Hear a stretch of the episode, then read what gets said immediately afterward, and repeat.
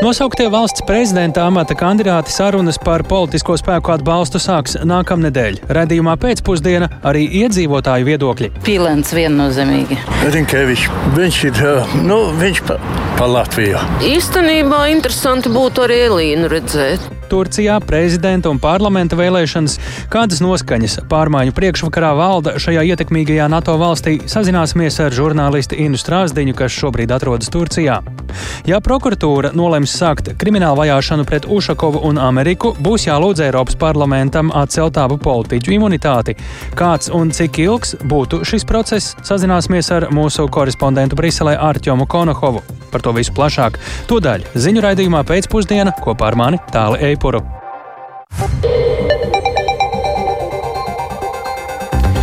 Sešpadsmit un piecas minūtes skan pēcpusdienas ziņu programma, skaidrojot eh, šajā piekdienā svarīgus notikumus. Studijā Tālis Eipurs. Labdien! Šī ir īpaša diena visiem hokeja faniem, jo šodien Rīgā un arī Tamperē sākas pasaules čempionāts hokejā. Mūsu galvaspilsēta cer, ka šeit ieradīsies vismaz 30 tūkstoši līdzjutēju, taču kā viņus šeit uzņems, kur viņi varēs skatīties spēles un ko vēl redzēt un darīt bez hokeja. Plašāk klausāmies Agnijas Lazdiņas reportāžā. Gaidāmais hokeja fanu skaits - 30 tūkstoši - ir iegūts no biļešu iepriekšpārdošanas rezultātiem uz 12 spēļu dienām. Pašlaik aktīvākie biļešu pircēji ir Čehijas, Slovākijas un Šveices līdzjutēji, taču, kā norāda čempionāta organizatori, ir vēl daudz līdzjutēju, kas šobrīd ir ceļā, un biļetes plāno iegādāties uz vietas. Latvijas radio vecrīgā uzrunāja hokeja fanus, kas lielākoties ieradušies no Čehijas un Slovākijas. Visi sastaptie līdzjutēji atzīst, ka plāno apmeklēt ne tikai hokeja hokeja spēles, bet meklēs arī citas izklaides un kultūras vietas. Really Mēs ar nepacietību gaidām spēles, esam gatavi uzmundrināt savu komandu un ceram, ka vinnēsim. And the, and the is... Jā, un Latvijas hokeja izlase ir gandrīz tikpat laba kā mūsu, otra labākā. Man šeit patīk, bet domāju, ka pilsētu čempionātam vajadzēja sagatavot ātrāk, piemēram, bāru un kafejnīcu ārā terases. Tomēr tas notiek, tāpēc labāk domāsim par hokeju. Nav svarīgi, kas uzvar, bet būtiskākais ir atbalstīt komandas un vienkārši labi pavadīt laiku. Man ļoti patīk jūsu valsts. Izbaudu iespēju šeit būt, un esmu ļoti satraukta par spēlēm. It's, it's first, uh, Mēs vinnēsim vismaz šodien, es ceru. Um, I'm, you know, I'm up, uh, really, really Esmu patīkami satraukts. Jau novembrī biju Latvijā. Tad bija tumšs un augsts, un es nejūtos diezgan labi, bet šodien šeit ir lieliski. Pienākusi vasara, te ir fantastiska atmosfēra, ļoti daudz foršu cilvēku, it īpaši latvieši. Oh, was, uh, Šeit ir brīnišķīgi. Vecrīga ir ļoti skaista, bet es gan biju pārsteigts, ka ielas joprojām ir diezgan tukšas. Čempionāta laikā gaidīju redzēt daudz vairāk cilvēku. Family, Ar ģimeni Latvijā esam pirmoreiz, bet mums ļoti patīk.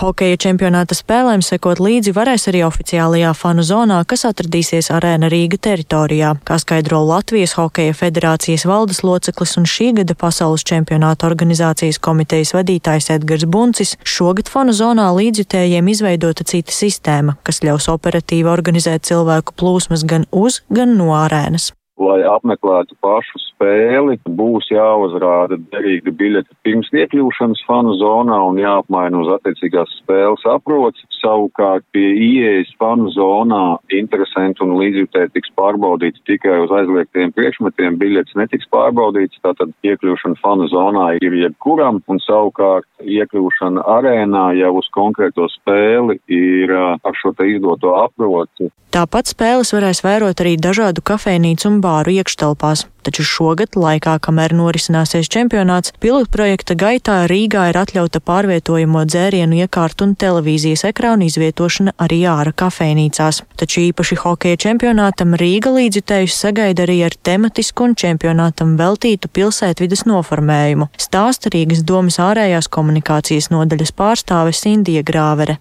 pilsētas ielas rotā čempionāta simbolika, karo konstrukcijās un lielstendos izvietoti hokeja čempionāta dalību valstu karogi, tāpat gan afišu stabos, gan stendos redzamas čempionāta simboliskais noformējums, tāpat pilsētvidē ir izvietotas čempionāta galvenā talismana spaikī figūras. Šādas figūras atrodas gan pie pašas arēnas Rīga, gan uh, vairākās centrā vietās, piemēram, Vērmanas dārzā, Brīvības laukumā. Pie Brīvības laukumā izvietots arī objekts ar Rīgas burtiem un pasaules čempionāta hokejā logo.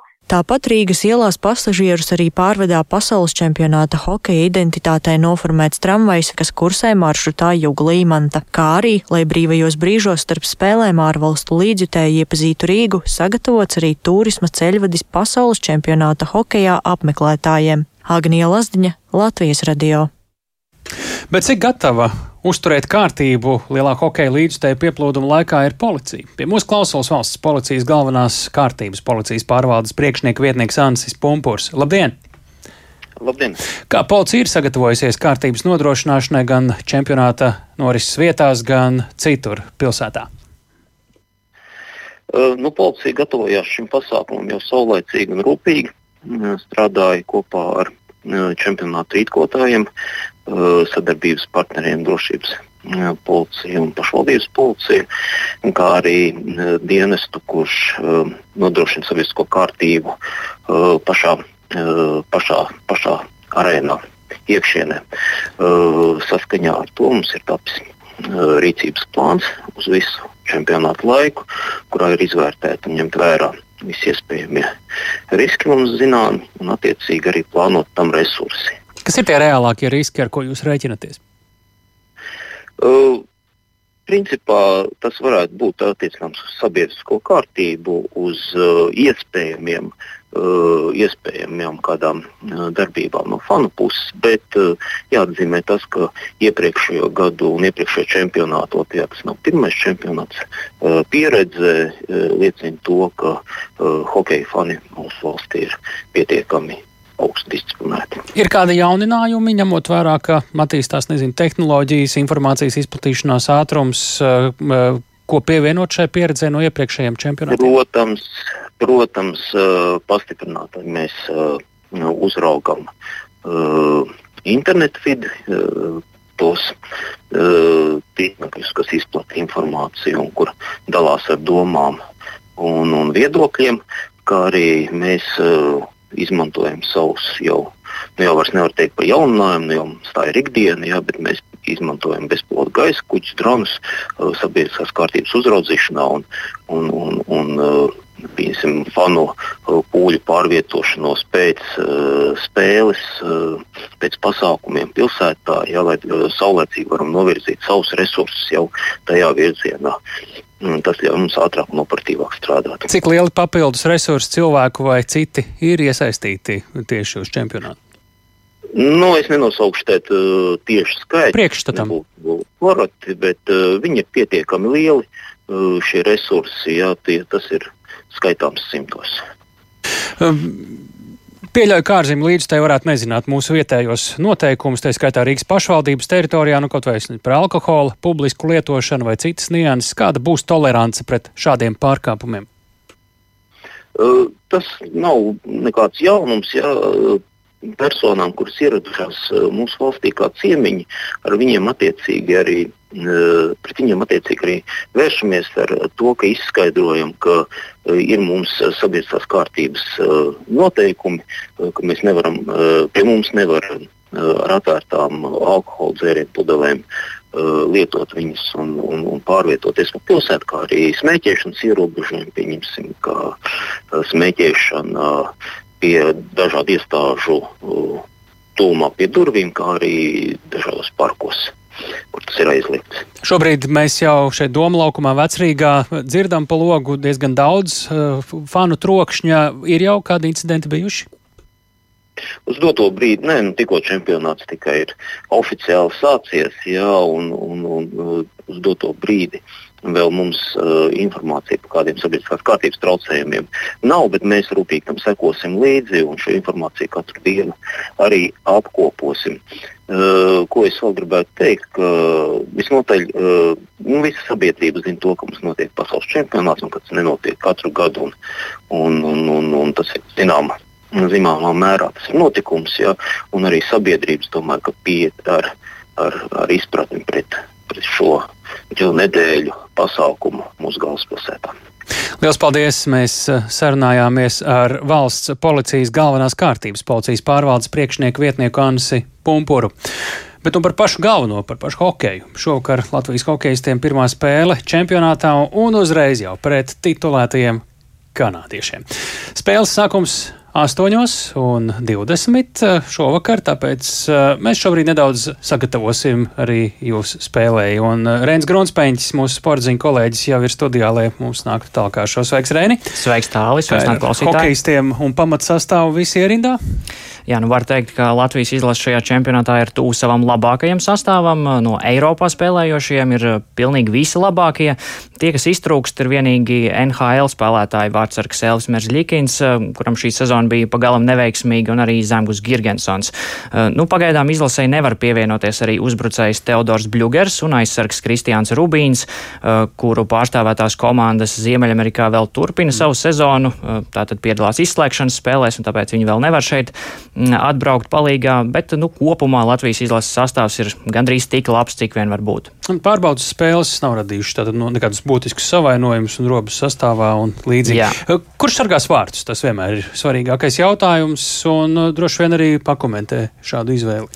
Jā, nu pirmajā spēlē vārtus sargās Ivars Punenovs. Viņš ikdienā spēlē Šveices līgā, Lozānas klubā. Tas ir pārsteigums, nav pārsteigums.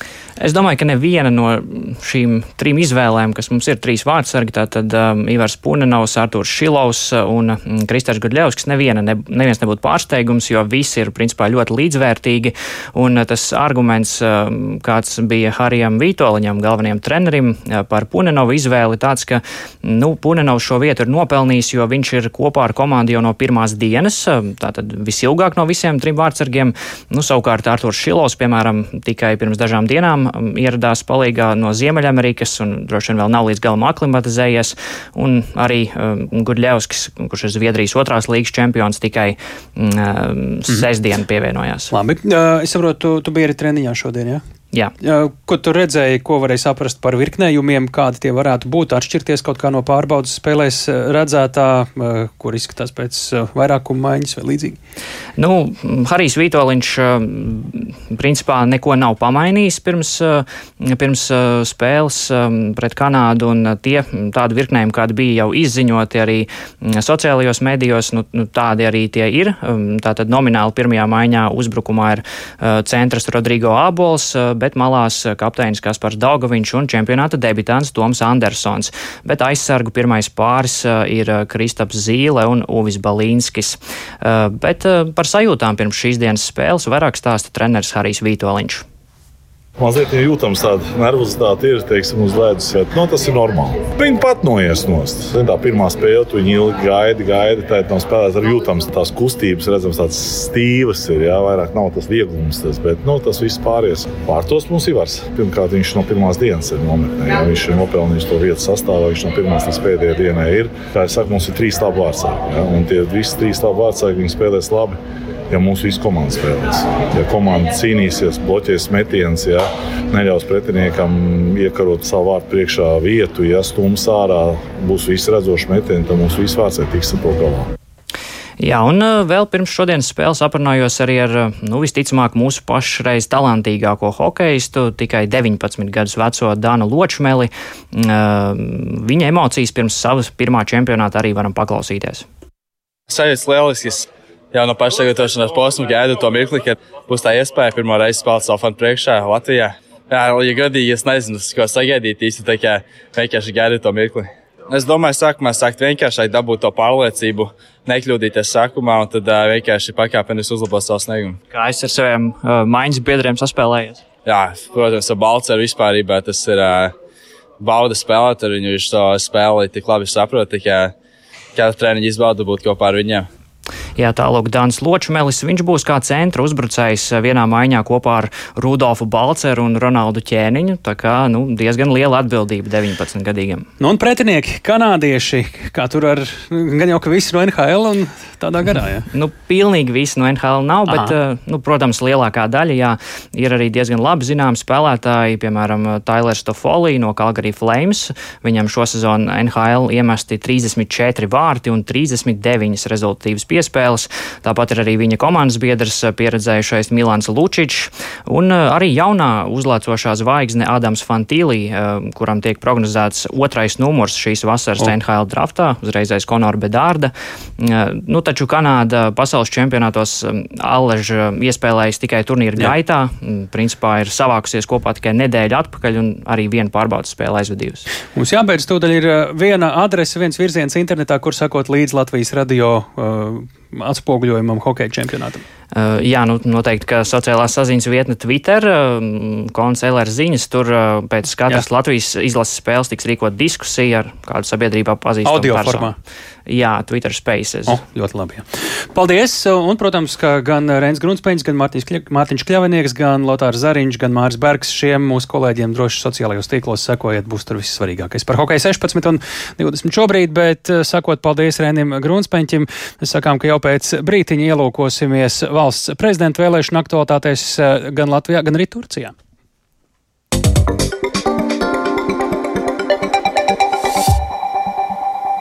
Valsts prezidenta amata kandidāti sarunas ar politiskiem partneriem saimā sāks jaunadēļ, pēc tam, kad rīt būs beigusies kandidātu pieteikšana. Jau tagad zināms, ka būs politiskie spēki, kuri savu lēmumu valsts prezidenta vēlēšanās atklās vienvēlēšana dienā.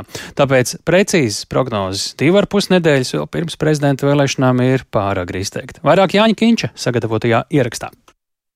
Jaunās vienotības izvirzītajam valsts prezidenta amata kandidātam Edgaram Rinkevičam pašlaik neviens cits politiskais spēks vēl publiski nav paudis atbalstu. Sarunas ar politiskiem partneriem sāksies no pirmdienas, apliecināja jaunās vienotības saimnes frakcijas deputāts Edmunds Jurēvits. Aktīvāka fāze gan sarunām ar saimā pārstāvētiem politiskajām partijām, gan sabiedrība jau sāksies jaunedēļ, un jaunā vienotība, protams, darīs un pieliks visas pūles, lai 31. maijā Edgars Edgars Rinkēvičs gūtu saimnes vairākumu atbalstu. Edgaram Rinkēvičam piemīt visas šīs īpašības, kas ir nepieciešams valsts prezidentam, Arī koalīcijā ietilpstošā Nacionālā apvienība pašlaik nav paudusi atbalstu nevienam no izvirzītajiem valsts prezidenta amata kandidātiem. Nacionālā apvienība uzsver uzdevumu spēt koalīcijas partneriem balsot par vienu kandidātu. Pret koalīcijā ietilpstošā politiskā spēka apvienotā saraksta prezidenta amatam virzīto Uldu Pīlānu ir iebildusi jaunā vienotība. Drošākais atbalsts viņam bijis vien no Latvijas pirmajā vietā un stabilitātei pārstāvjiem. Kopīgas sarunas par valsts prezidenta amata kandidātiem sagaidāmas jau tuvākajā laikā pauda arī apvienotā saraksta frakcijas vadītājs Edgars Tavars. Tūlēšajās dienās mēs piedāvāsim ar oficiālu tikšanos partiju jaunā vienotība ar Pīlānu kungu, var izrunāt visus šos jautājumus. Mēs gaidām atklātu un godīgu sacensību. Matemātika skaitot balsis apliecina, ka valsts prezidenta vēlēšanās zelta kārts būs Zaļās un Zemnieku savienības frakcijas 16 balsīm. ZZS augstu novērtē visus trīs valsts prezidenta amata kandidātus un plāno ar viņiem tikties pieteikšanas kārtībā, stāsta ZZS frakcijas pieredzējušākais deputāts Augusts Brigmanis. Tomēr savu izvēli ZZS atklāja atklāšot tikai vēlēšana dienā, 31. maijā.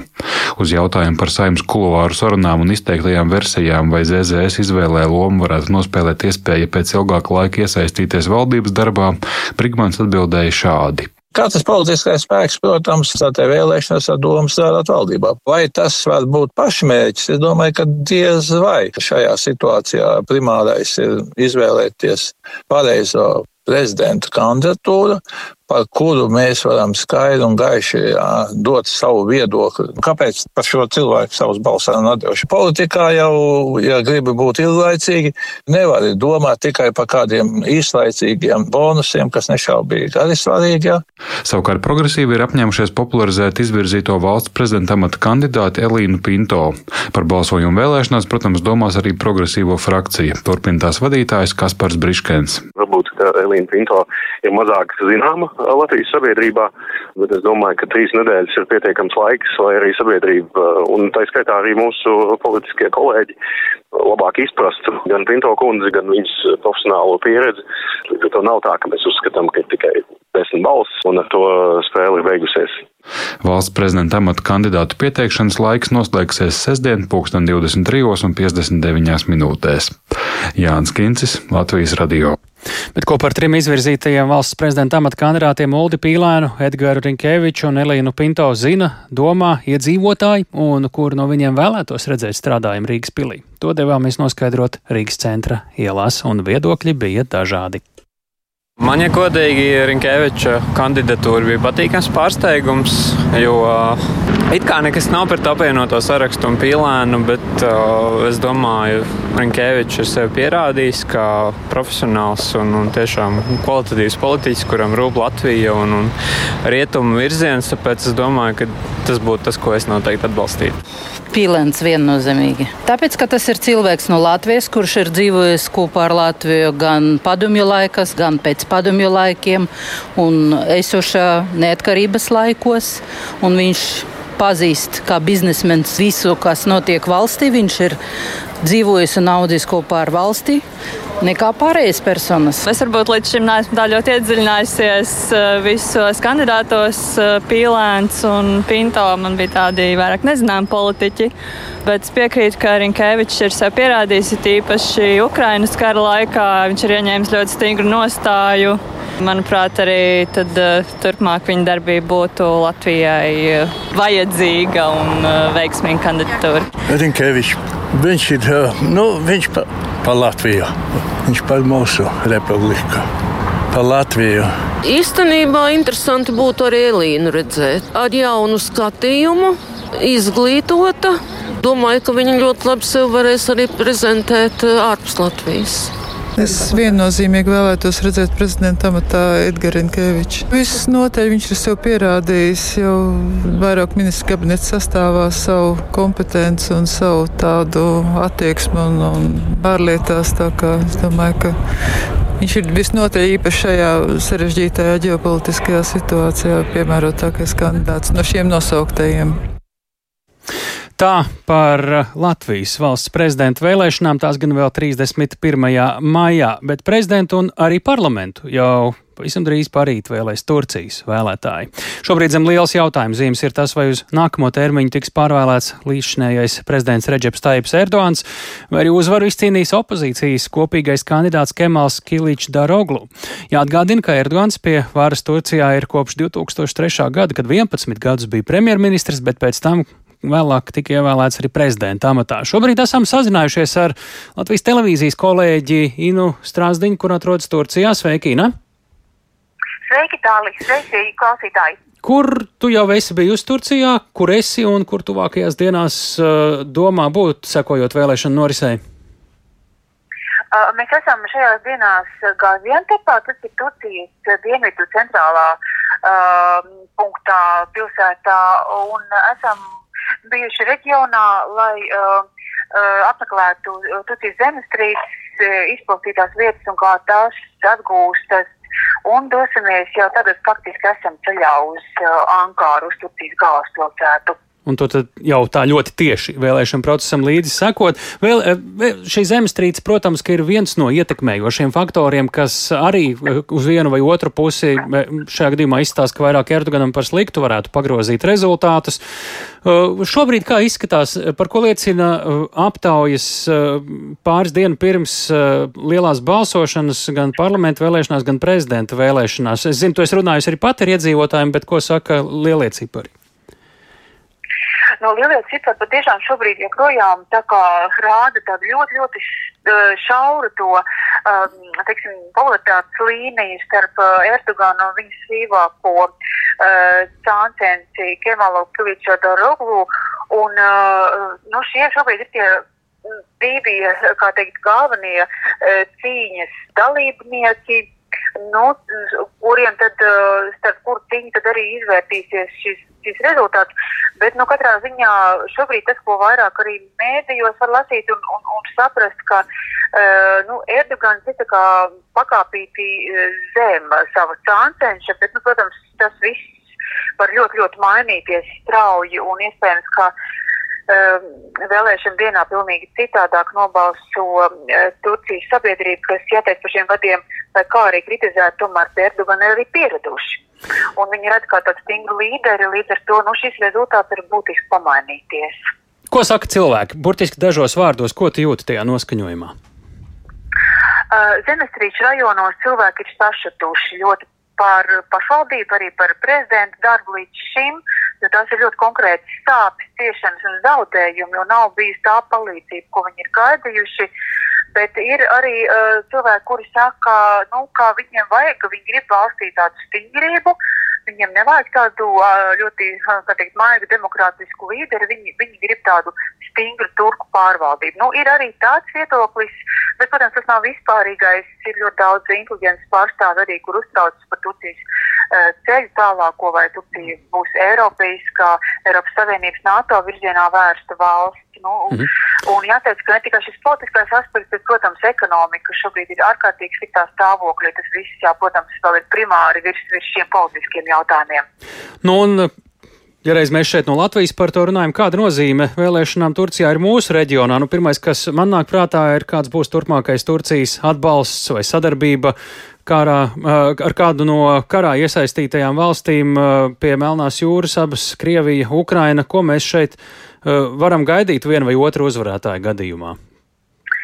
Nu, tur ir tā, ir tā, ka būtībā gan Erdogans, gan arī opozīcijas kandidāts uh, nu, neviens ne otrs nav pateicis, ka Krievija pāraus saiknes. Līdz ar to arī no opozīcijas mēs varam gaidīt tomēr uh, tādu sadarbības modeli, ka runās ar Putinu.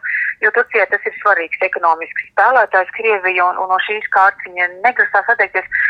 Bet, protams, uh, Erdogana, uh, vienmēr arī Erdogana valdības laikā viņš ir uzsvērs, ka Turcija gribētu būt vidutāji un šī konflikta izbeigšanā, jo tas Turcija arī ir svarīgi.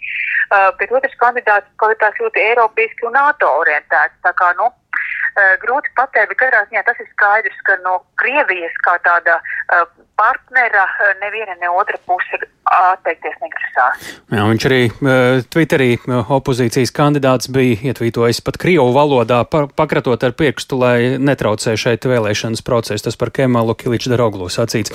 Paldies Inai Strāzdiņai, mēs turam īkšķi, lai tev izdodas atrast visus viedokļus un nonākt visās vietās, kur vajag, jo Turcija ir liela valsts, nebūs vienkārši vēlēšana procesam līdzi sakot. Mēs sakām paldies Inai Strāzdiņai un turpinām ziņu raidījumu pēcpusdiena. Un uh, šobrīd uh, mums uh, nākamais stāsts par politiķiem, kuri jau ir ievēlēti jau pirms laba laika, bet kuru mandāts šobrīd ir apdraudēts. Ja Latvijā prokuratūra nolems sākt kriminālu vajāšanu pret bijušo Rīgas domas priekšsarātāju Nilu Ušakovu un viņa vietnieku Andri Ameriku, tad tai būs jālūdz Eiropas parlamentam atcelt abu politiķu imunitāti. Šāds process parasti aizņem Var aizņemt pat gadu, bet uh, mēdz būt arī izņēmumi. Pirms balsojuma deputāti galvenokārt vēlas pārliecināties, vai apsūdzības nav saistīts ar politisku vajāšanu. Lai noskaidrotu vairāk par to, kā tas varētu notikt, mēs tagad esam sazinājušies ar mūsu Briseles korespondentu Arķomu Konohovu. Labdien! Nu, vispirms jāatgādina klausītājiem par to lietu, ko prokuratūrai nodeva knab, kādos nodarījumos tad abas politiķus apsūdz.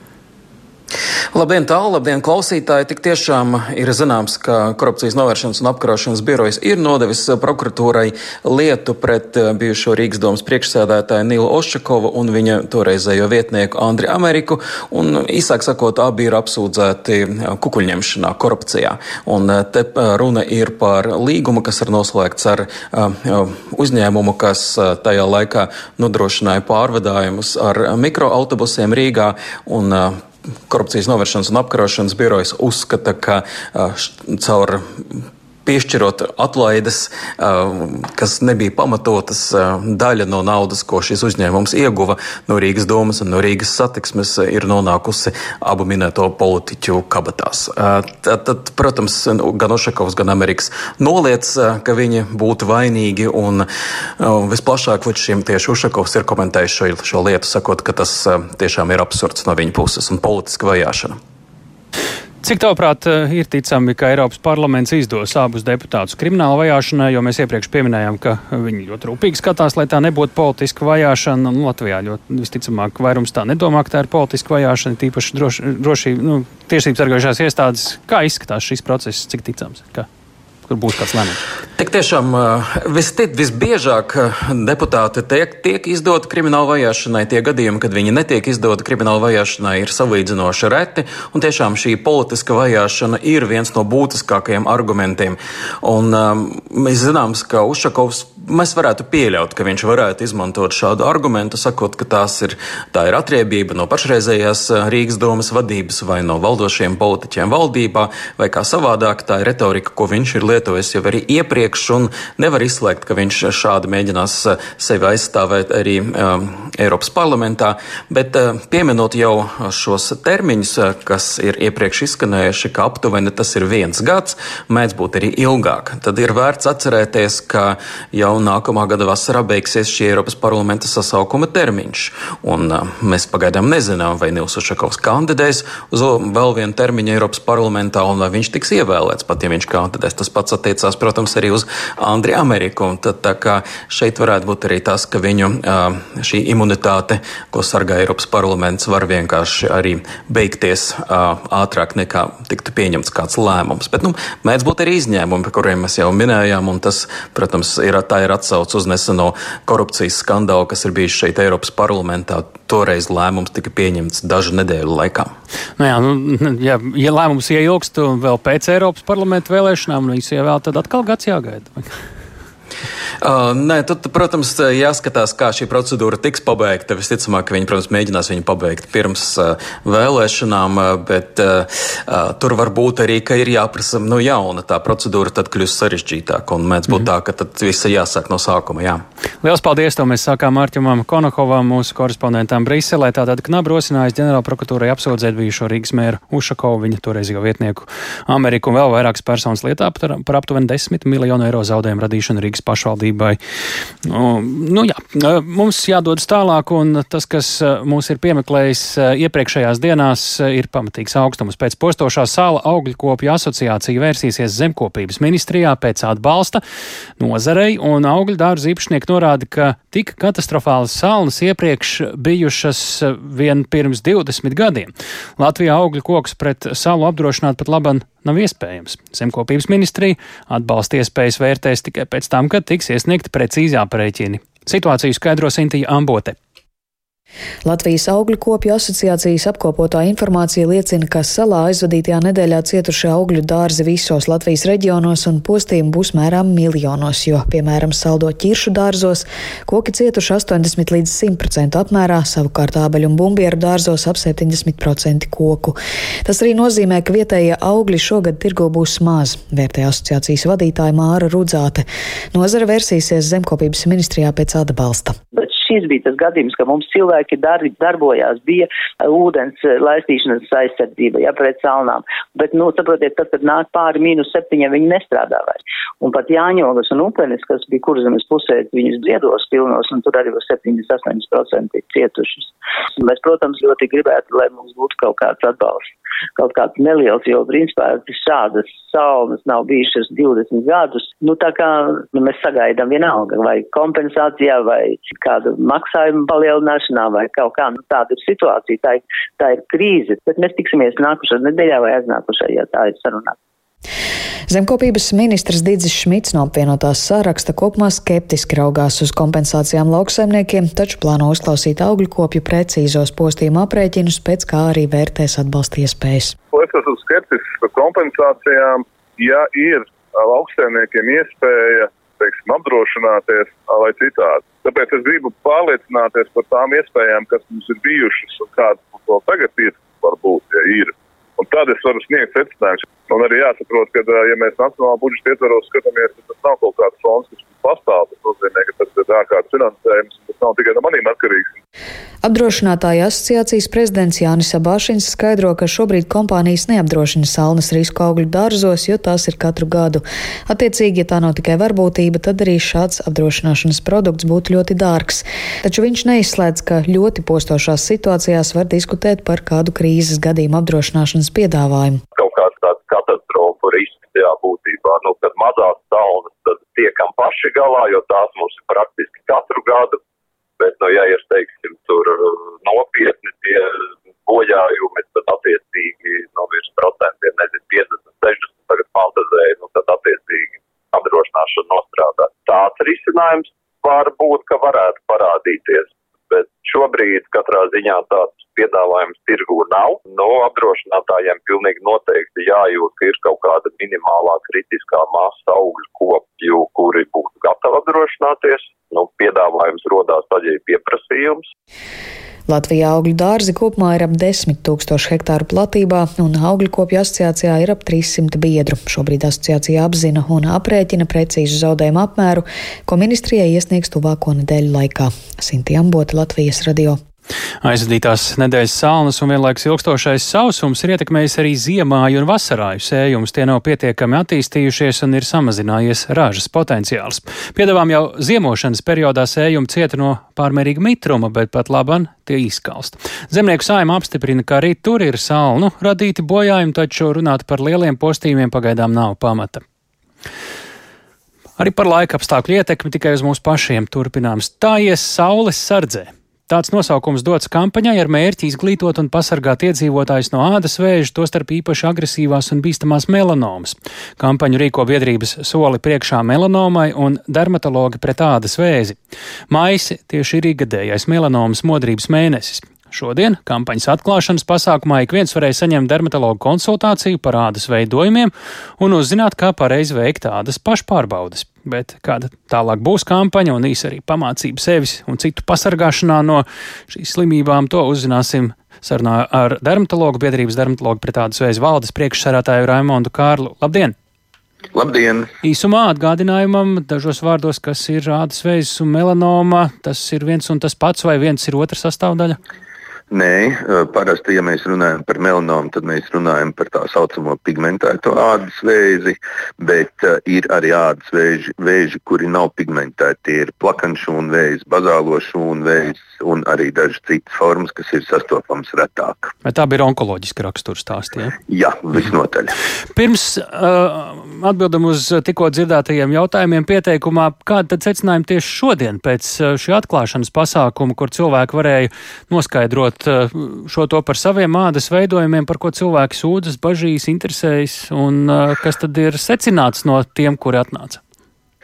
Neskatoties uz to, ka šāda akcija jau ne pirmo gadu tiek noturēta tieši maijā, dalībnieku skaits bija pietiekami liels. Un, apskatot arī tos veidojumus un arī tās ādas virsmas, nākas konstatēt, ka neskatoties uz to, ka mēs sev pieskaitām pie it kā ziemeļnieciskas valsts, bet tomēr ādas bojājums, kas ir izraisīts ultravioleto staru ietekmē, ir gan izplatīta parādība mūsu valstī. Līdz ar to arī risks ka šiem cilvēkiem var attīstīties ādas vēzis, un tā skaitā melanoma ir gan augsts. Cik daudziem vai cik lielam īpatsvaram no tiem, kuri atnāca, tad bija tomēr eh, ieteikums eh, padomāt par tālākām vizītēm pie ārsta?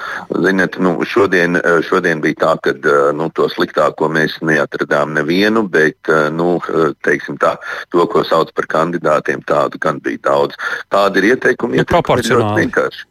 Proporcionāli tas bija kaut kur viens pret uh, desmit, tātad mm -hmm. kaut kur desmit procenti bija. Tomēr. Un ieteikumi, jā, un ieteikumi, kā jau vienmēr ir, tātad izvairīt, izvairīties no saules apdegumiem, ilgstoši atrodoties saulē, lietot saules aizsargu līdzekļus, lietot aizsardzību acīm un lietot aizsardzību arī galvai. Mm -hmm. Kas uh, šobrīd notiks kampaņā uz priekšu, kur cilvēki varēs uh, vēl uzzināt ir, vairāk, jā, saprast vairāk, izdarīt. Jā, jā, tur ir, ir jāseko līdzi tātad uh, biedrības uh, solis priekšā melanomai uh, mājaslapā, un tur varēs atrast arī visu informāciju. Tātad samērā daudz klīnikas piedāvās arī šīs bezmaksas uh, konsultācijas iedzīvotājiem, kuras jau arī notiek arī Rīgā. Tā kā jā, būs iespēja.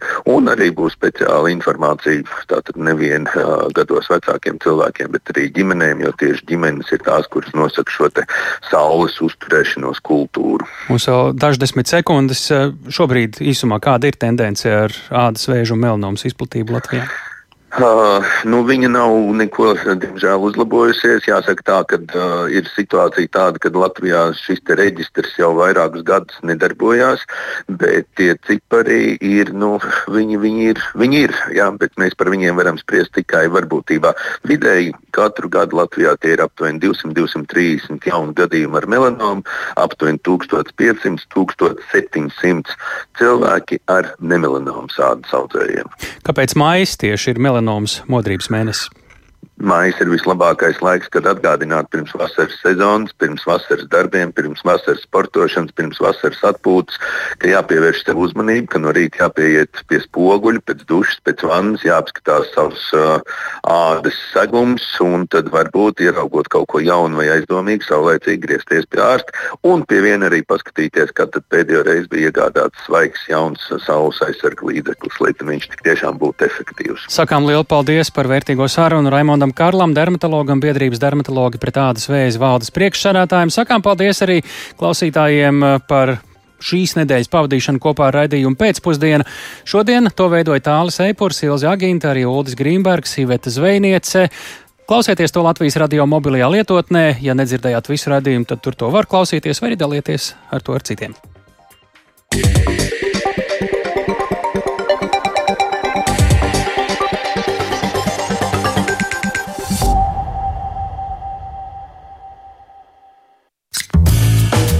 Uzķēršam, preparējam, aizšujam. Tāda ir mēdīņa anatomija.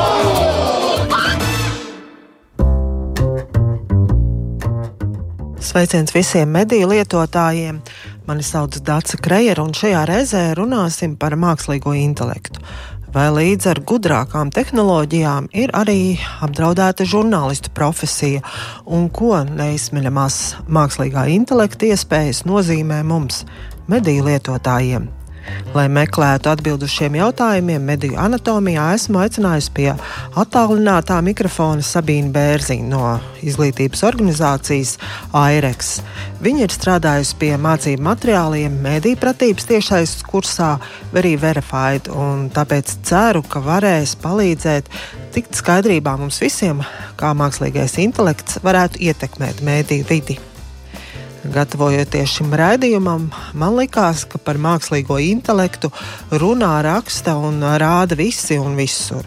Un ar saviem novērojumiem dalījos arī ar Sabīnu Bērziņu.